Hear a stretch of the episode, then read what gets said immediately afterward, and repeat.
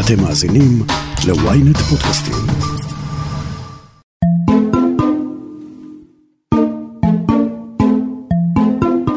אי שם בנגב, לא רחוק משבטה, בין שדה בוקר לניצנה, עומד שטח קרקע מדברי ריק לחלוטין. שומרים עליו ריק, עוד משנות ה-70. אז, צוות של חברת החשמל סימן אותו בתור המקום הכי מתאים במדינה להקמת תגר, ראשי תיבות של תחנת כוח גרעינית. כן, יש תוכנית כזאת. אפילו החלטת ממשלה לקדם אותה עברה, לפני 40 שנה. לאחרונה, עם משבר האקלים, היא שוב מטופטפת אל חיינו. דוח של בנק ישראל המליץ לבחון בזהירות ייצור חשמל גרעיני, גם המדען הראשי של משרד האנרגיה פתח בבדיקה. האם הפתרון הכי ירוק לייצור חשמל הוא כור כוח ישראלי? אני שי שנרב, וזאת הכותרת.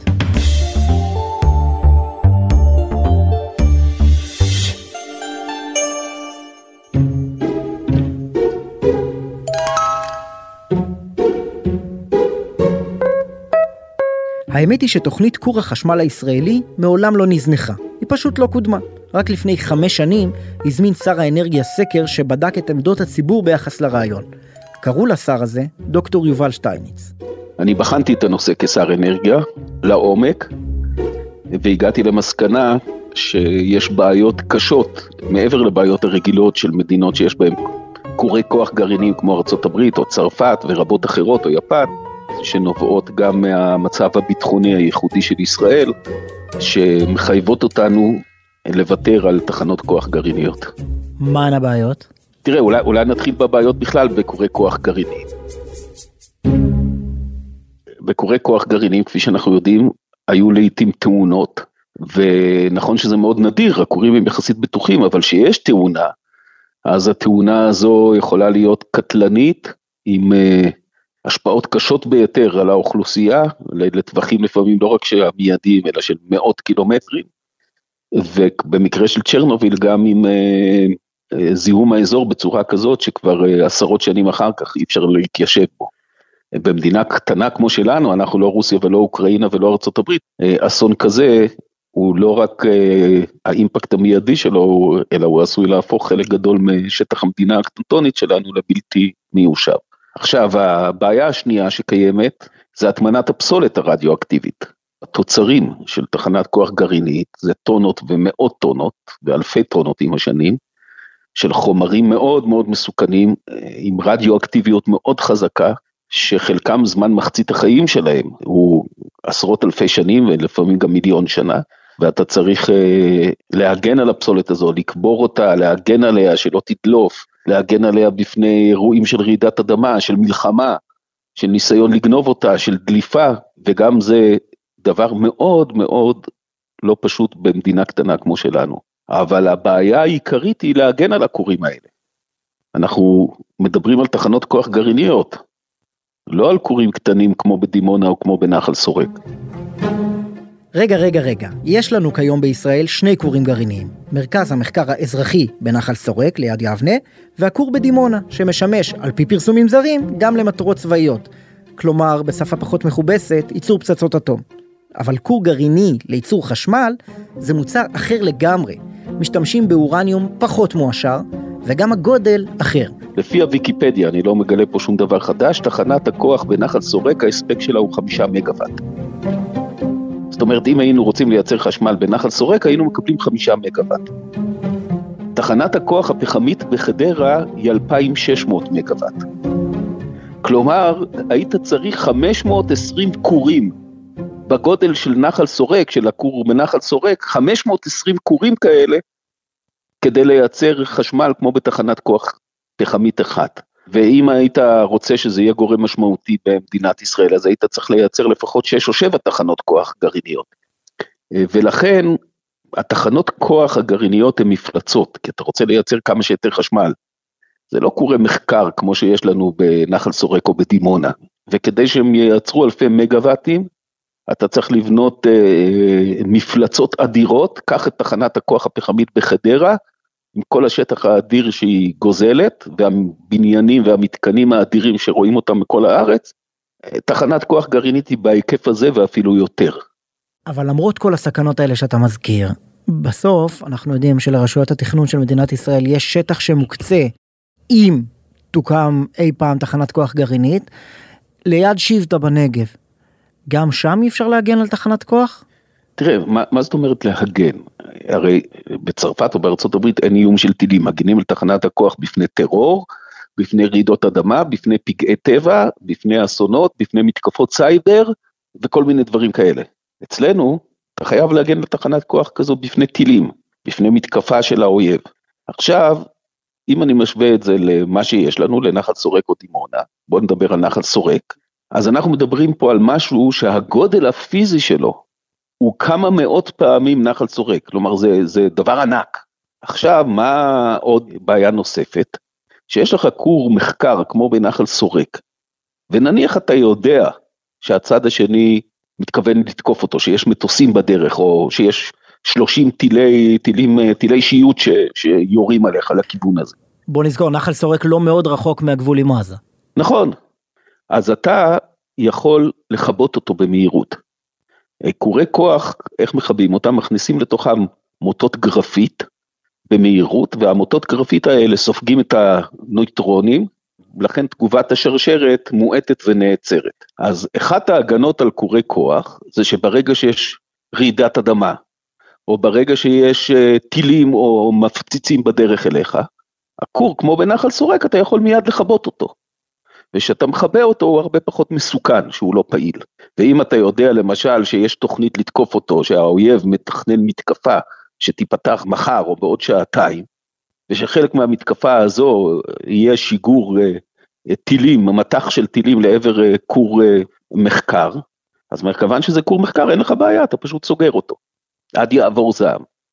אבל כשמדובר בתחנת כוח, נניח שהחשמל של ישראל, מחצית החשמל בישראל תיוצר בתחנות כוח גרעיניות, ופתאום יהיה איום מלחמתי קונקרטי, תוך כדי מלחמה נדע שהולכים לתקוף ולראות מטחי טילים לעבר הכורים האלה, או כנקודת פתיחה, אתה לא יכול לכבות אותם, כי אז אתה מכבה את החשמל בכל המדינה. עכשיו, אם תוקפים אה, תחנות כוח רגילות, תחנות כוח בגז או בפחם, בטילים, לא יקרה כלום, אם יפגעו טילים בתחנה ייווצר איזה נזק שאחר כך יתקנו אותו. אבל אתה לא צריך לכבות את uh, תחנת הכוח בחדרה אם אתה במלחמה ואתה יודע שעלולים ליפול טילים או שעלולים uh, לנסות לפגוע בה, או את תחנת הכוח באשדוד, או את תחנת הכוח בתל אביב, או, ב- או בחיפה. אבל כשמדובר בכור גרעיני, יש לך דילמה מאוד מאוד קשה, כי מצד אחד אתה לא רוצה שהכור יפעל, שהוא נמצא בסכנה של תחת מתקפה. ומצד שני, אתה תלוי בו לאספקת החשמל שלך, אתה גם לא יכול לכבות. לכן, יש בהחלט בעיה ביטחונית למדינה מאוימת וגם מאוד קטנה בשטח, כמו שלנו, ומכיוון שיש לנו אלטרנטיבה מאוד טובה, השילוב של גז טבעי ושמש, אז המסקנה שלי לפחות הייתה שכרגע אין לנו סיבה ללכת לכיוון של קורי כוח גרעיני. שר האנרגיה לשעבר לא השתכנע שהתועלת בתחנת כוח גרעינית עולה על הסיכונים, אבל המדען הראשי במשרד שלו עד היום תומך בהקמת כור כוח ישראלי. בסקר שהוא ערך ב-2017, התברר שגם רוב הציבור תומך עקרונית, אבל 70% מהאנשים מתנגדים שתחנת כוח כזאת תוקם ליד העיר שלהם. בקיצור, נימבי, not in my backyard. בגלל שהגרעין אצלנו בראש קשור רגשית לנשק, אז כשמדברים על תאונות גרעיניות, אנחנו מיד מגיבים רגשית, זאת אומרת, זה תמיד פאניקה. זאת דוקטור נעמה חרית יערי, פיזיקאית ופקחית גרעין מטעם האו"ם. זה אומר שמדי פעם היא קופצת למדינות בעולם עם מודד קרינה, ומוודאת שלא הסתירו שם איזה ניסוי בפצצת אטום. בקיצור, עבודה סבירה ומשעממת. בוא נגיד, בכל אה, טכנולוגיה יש סיכון, אבל אה, היום הסיכוי לתאונה הוא מאוד מאוד קטן. והיום גם עובדים בעולם על תחנות uh, כוח גרעיניות, קוראים לזה inherently safe design, הן תחנות uh, כוח כאלה שלמעשה מה שאנחנו קוראים הגורם האנושי הוא מנוטרל בהם, והסיכוי לתאונה בעצם יורד לאחד למיליארד, וגם אם מתרחשת נגיד תאונה, הסיכון לאוכלוסייה הוא אפסי. כמו שהבנתם, דוקטור חרית יערי תומכת בכור חשמל ישראלי, ולגבי התאונות שמדאיגות את שטייניץ, יש לה הסבר. אם זה אסון צ'רנוביל בברית המועצות. צ'רנוביל בכלל היה מבנה אה, מאוד בעייתי של התחנה עצמה. כבר כשהוא, אגב, כשהוא עבד עוד לפני התאונה, היה ברור שיש איזשהו כשל במבנה הזה. אם זו התאונה בפוקושימה ביפן, וגם בפוקושימה, כאילו ידעו שהיה סצנריו שהראה שאם יהיה צונאמי, אז הגנרטורים יכולים לצאת אה, מכלל שימוש, ולא יהיה איך לקרר את הכור. ואם זה האסון המחריד באיידו פולס בארצות הברית. כאילו המקום שבו היה אה, כור החשמל הראשון בעולם ב-1951, הוא הצליח להאיר נדמה לי חמש נורות, ושם גם אחר כך הייתה תקלה מביכה ונוראית שבה נהרגו שלושה מפעילי התחנה שהיו באותו זמן במשמרת, מאוד לא מנוסים, אחד מהם אה, בעצם ממות אה, העיף אותו למעלה ולא מצאו אותו בהתחלה כי הוא פשוט היה מחובר לתקרה עם ממות, משהו מזעזע. ושניים היו חיים כשמצאו אותם, אבל כמובן נפטרו. אז שם, דווקא בעיירה הזאת, אני יודעת שהם הופכים לגרעיניים מבחינת חשמל לכל העיירה, אבל הם יהיו, אני חושבת שאולי הם יהיו הראשונים שבאמת אה, ישתמשו בזה. כשדוקטור יערי אומרת זה, היא מתכוונת להמצאה מהשנים האחרונות של סוללות גרעיניות. מדובר בבטריה שיכולה לתת מענה לבעיית הפסולת הרדיואקטיבית, וגם יכולה להאיר את כל רמת גן. אה, נגיד אתה יכול לבחור אה, שש, כמו סיקס פק כזה של קולה. זה בעצם גלילים גובה של משהו כמו נגיד 15-16 מטר, יש גם 8 מטר, ראיתי אפילו אחד, ואם אתה לוקח נגיד אה, שישה גלילים כאלה ומסדר אותם, אתה יכול להעיר נאמר עיירה בסדר גודל של 300 אלף איש, לספק לה את כמות החשמל שהיא צריכה לעשר שנים נגיד. ואחר כך באמת יש לך את העניין הפסולת, כן אתה, את הסוללות האלה צריך להחליף להם נגיד את הדלק, או לשפץ אותם, או להוציא אותם. אבל בכל זאת זה עשר שנים, שתחשוב כמה פסולת אפילו רדיואקטיבית יש בתחנה פחמית בעשר שנים, בטוח שבנפח זה יותר גדול. אה, אבל אפילו הנושא הזה הוא נושא שהוא בעייתי, כי אין מה לעשות, בגרעין יש המון אמונות טפלות. ככל שאתה מסביר יותר, אנשים נהיים יותר בעד אנרגיה גרעינית, וככל שאתה מסביר יותר על תחנה פחמית רגילה, איך היא עובדת, אנשים נהיים עוד יותר נגד. אבל עד עכשיו התעסקנו עם הבעיות שמטרידות כל מדינה בעולם שחושבת על אנרגיה גרעינית. אצלנו יש סכנה נוספת. מה לדעתך יקרה אם חמאס או חיזבאללה שולחים טיל שמצליח לפגוע ולגרום לדליפה רדיואקטיבית לכיוון עיר בישראל? בוא נגיד ככה, הסיכוי שלך לפגוע עם טיל בכור גרעיני ובאמת לגרום נזק הוא כמעט אפסי. א', הטיל הזה צריך יהיה להיות אה, בערך טיל גרעיני, זאת אומרת, אתה צריך פצצה אטומית בערך כדי לחדור את המבנה כמו שהוא היום, מבנה של כור גרעיני מודרני, אה, ואתה צריך להיות מאוד מדויק, זאת אומרת, גם הפצצה הזאת צריכה להיות מאוד מדויקת, וגם אז לא בטוח שהנזק, שבאמת יגרום לדליפה והנזק הסביבתי יהיה גדול.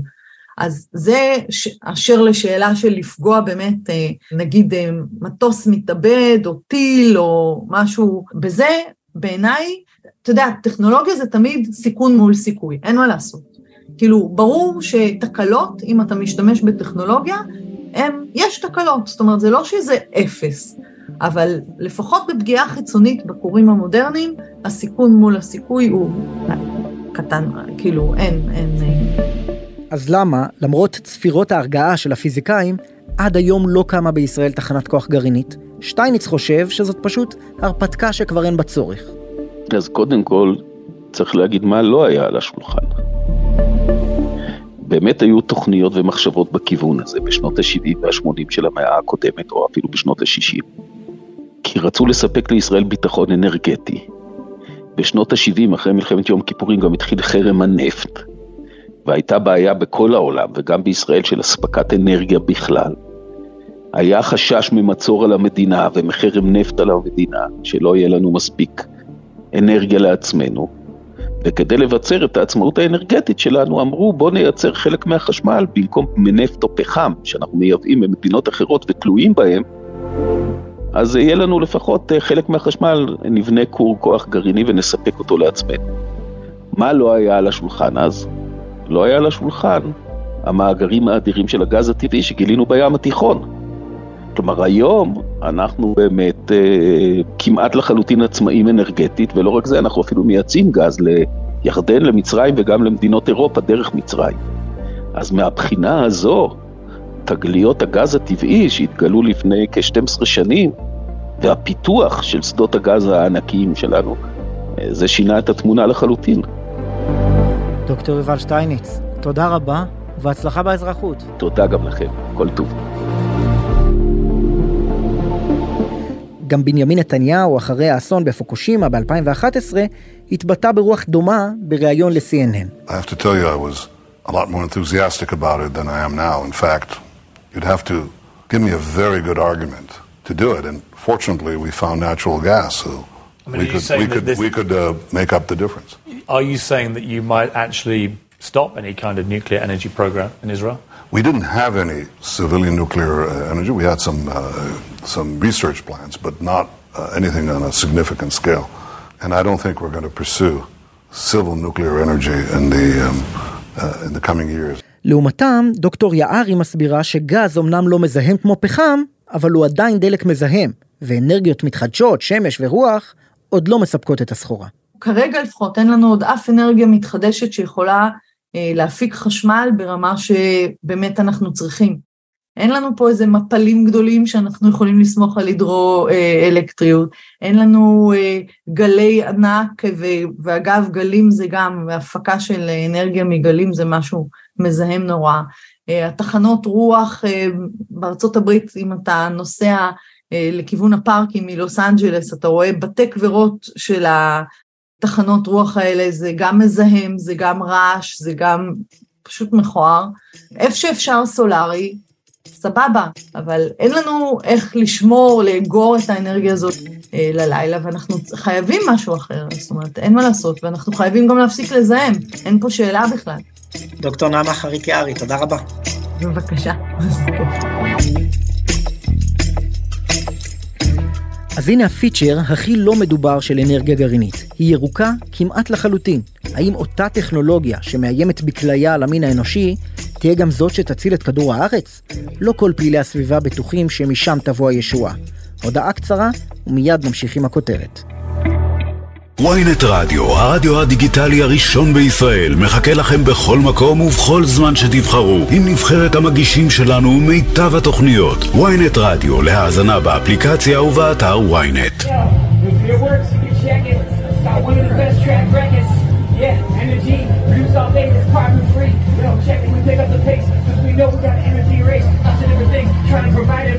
הקטע הזה לקוח מוועידת האקלים שנערכה בחודש שעבר בשארם א-שייח.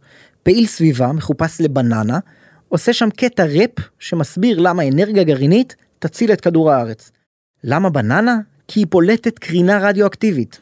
כן, כן, אכילת 35 בננות שקולה לטיול בפוקושימה ביום שהכור קרס. לשם השוואה, צילום שיניים שקול לאכילת 50 בננות. הפעילים הללו חושבים שזה אמור לשכנע אותנו שהחשש מאנרגיה גרעינית הוא בעיקר פסיכולוגי. האם זה נכון? שאלנו מומחה. פרופסור עדי וולפסון, המכללה האקדמית להנדסה על שם סמי שמעון. אנרגיה גרעינית היא גם דלק מחצבים, גם אותה חוצבים מהאדמה, את האורניום או מרכיבים אחרים, אבל כשמשתמשים בה לא נפלטים מזהמי אוויר ולא פולטים גזי חממה, ולכן מבחינה סביבתית, בהיבט הזה יש לה הרבה הרבה יתרונות. והיא לא רק ירוקה יותר, היא גם זולה יותר. אם אנחנו מסתכלים על היעילות, אנרגיה גרעינית היא מאוד יעילה, וכפי שאמרתי, היא לא מזהמת ובעיקר לא פולטת גזי חממה.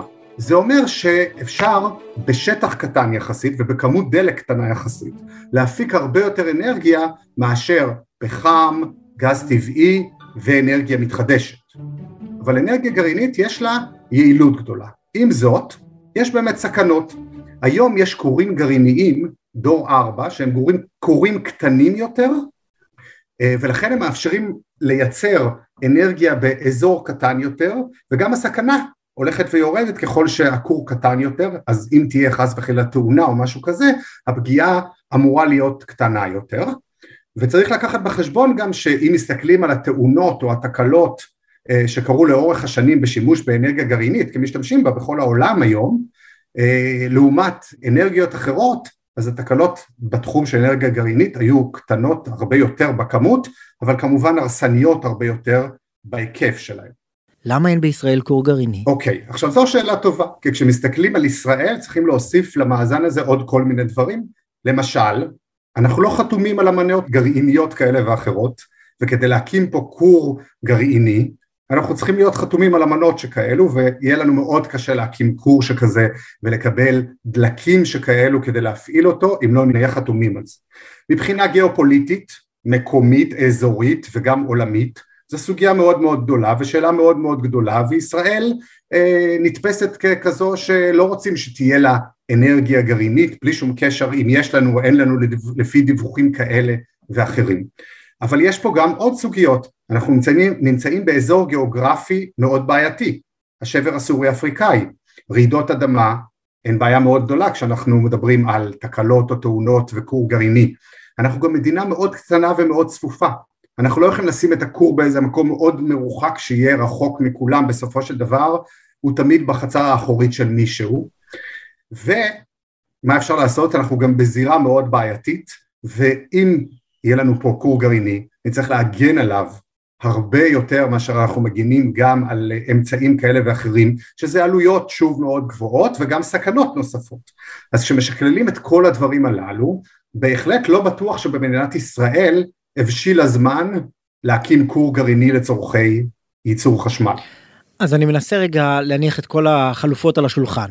יש לנו uh, תחנות כוח כבר היום שמייצרות חשמל מפחם וגם הרבה מגז, עוברים לאט לאט יותר, בעיקר יותר מגז, לגז. כן, אנחנו אמורים עד סוף 2025 להפיק רק מגז ובלי פחם בכלל. רוח uh, זה לא משאב שיש לנו יותר מדי, יש קצת ברמת הגולן ובגלבוע.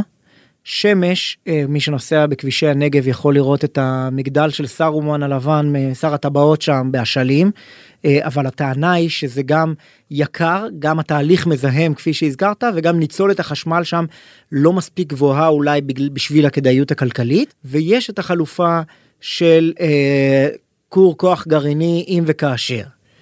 מכל האפשרויות האלה, איפה אתה היית ממקד הכי חזק את המשאבים של מדינת ישראל לשנים הבאות? אני חושב שכיום מדינת ישראל חייבת לנצל את השמש בצורה הרבה יותר יעילה.